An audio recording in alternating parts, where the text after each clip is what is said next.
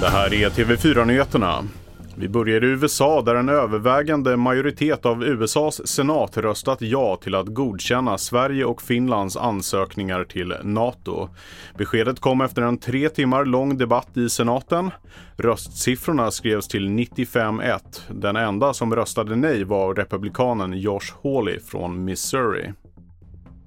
På Island fortsätter lava att välla fram på Reykjaneshalvön efter det vulkanutbrott som startade igår. Det meteorologiska institutet på Island varnar nu för regnande lavastenar då 5000 personer tagit sig nära vulkanen Gjeldingadalur för en chans att bevittna det första utbrottet sedan september förra året.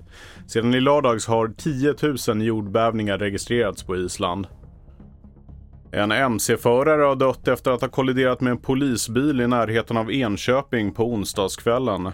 Polisen hade fått larm om en motorcykelförare som misstänktes vara påverkad av alkohol. Polisen försökte få stopp på föraren som svängde av på en mindre landsväg där han kolliderade med en annan polisbil.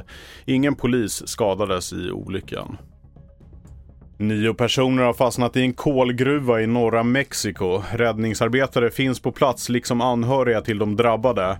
Kolgruvan ska ha kollapsat vilket ledde till att en tunnel svämmade över och strandsatte gruvarbetarna.